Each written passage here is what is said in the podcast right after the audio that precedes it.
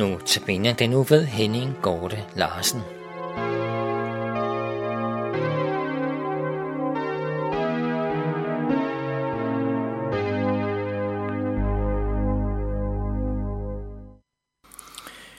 Vi hørte salmen Jeg behøver dig, sunget af Nana Due Madsen. Andagten i dag har jeg givet overskriften Frygt. Frygt har altid været aktuel for den enkelte af os. I nogle perioder mere end i andre perioder. Og nogle gange kan det være en længerevarende sindstilstand.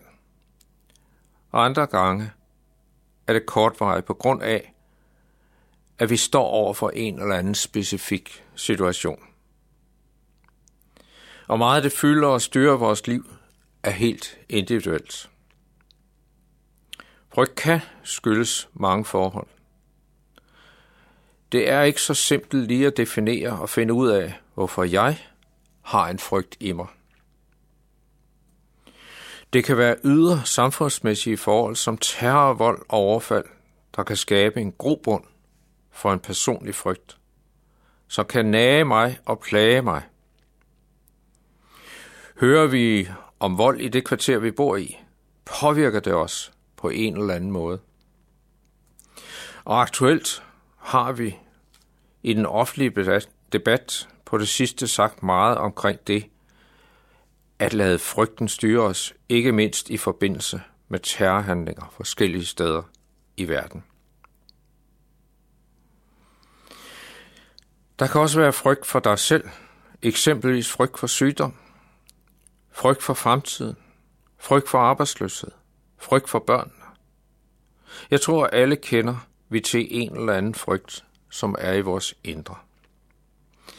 At vi har frygt, er forståelig og kan være velbegrundet. Det er meget forskelligt, hvordan vi reagerer over for vores vilkår. Men det er vigtigt at bearbejde eller modvirke med passende omhu. I efteråret blev en af mine bekendte pludselig syg med høj feber i længere tid. Lægeren kunne ikke finde årsagen. Det blev kimen til en frygt i sindet. Var det en alvorlig sygdom, som kunne føre til døden? Eller var det en sygdom, som gik i sig selv? I den periode, hvor det stod på, påvirkede det familien og vennerne meget. Vi bad meget for ham. Vi besøgte ham. Vi led med familien. Da han bedre så kom sig, glædes vi alle sammen, sammen med ham. Der er mange udsagn i Bibelen om frygt, hvilket indikerer, at Gud kender os og ved, at frygten er en følelse, som ligger i vores sind. Jesus havde fokus på, hvad vi kommer ud for, og hvad der kunne skabe frygt hos os. I den såkaldte udsendelsestale i Matthæus evangeliet kapitel 10 nævner Jesus forskellige forhold. Jesus bruger udtrykket jeg sender jer ud som får blandt ulve. Det er sandelig en hård kost. En får, et får har ingen chance for at klare sig over for en uld. Sådan tænker vi, og det med rette. Men bag ordene ligger samtidig et løfte, at Herren er vor hyrde. Hyrden beskytter forerne.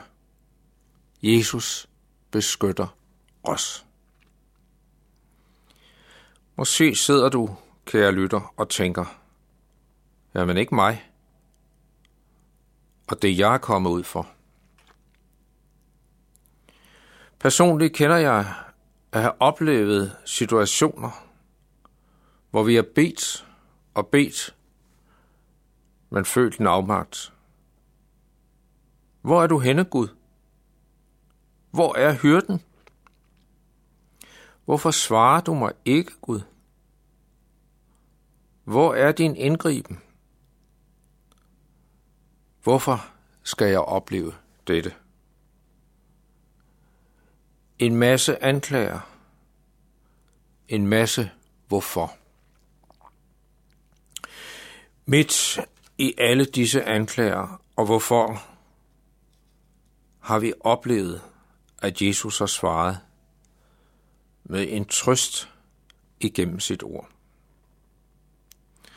Jesus har ikke givet os en trylleformular, men han har givet sit ord til os i Bibelen, til trøst og opmundring og retten til at bede ham om alt, også at udtrykke vores anklager overfor ham.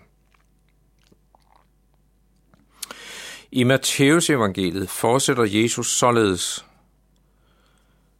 Tag jer i agt for mennesker. De skal udlevere jer til domstolene og piske jer i deres synagoge.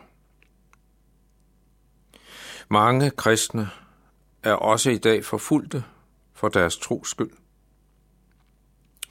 Eksempelvis hører vi fra Syrien og Irak om forfulgte kristne, at faktisk hører vi fra mange lande.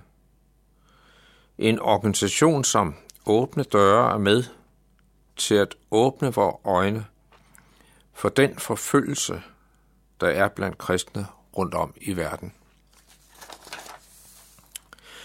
Jesus kendte sine disciples frygt og tog det alvorligt. I Matthæus kapitel 10, vers 27 taler Jesus således.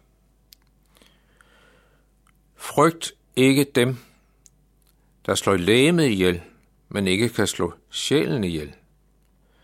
Men frygt derimod ham, der kan lade både sjæl og læme gå fortabt i helvede. Jeg nævnte i præsentationsudsendelsen andagsbogen Se på Jesus. En andagsbog, som har været mig til hjælp og trøst.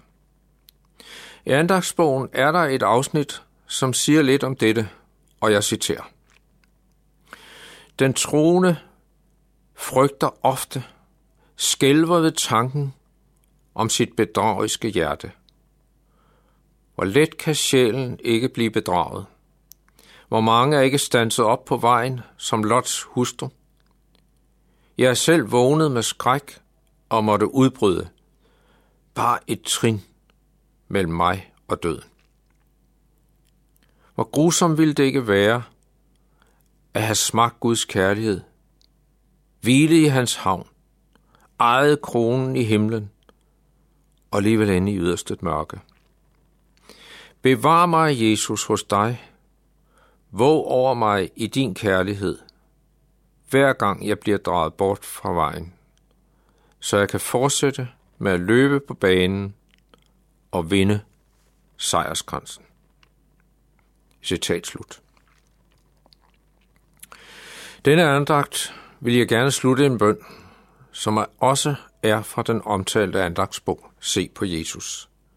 En andagt, som tager udgangspunkt i 1. Mosebog, kapitel 15, vers 1, som lyder således. Frygt ikke, Abram. Jeg er dit skjold. Din løn skal blive stor. Og til dette vers er der udformet en bøn, som samtidig er en forklaring og trøst. Bønden lyder således. Vær stille, mit svage og skælvende hjerte.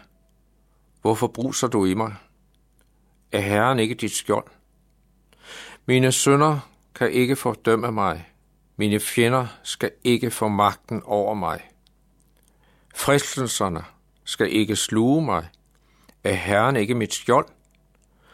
Og hvem skal kunne skille mig fra hans kærlighed? Hvorfor sørger jeg? Hvorfor klager mit hjerte så ofte? Er Herren ikke min store løn? Tilgiv mig, Jesus. Ingenting er jo som din kærlighed, din fred og din hvile. Og dermed og derhjemme vil du give mig livets sejrskrans. der er alt trængsel glemt for evigt.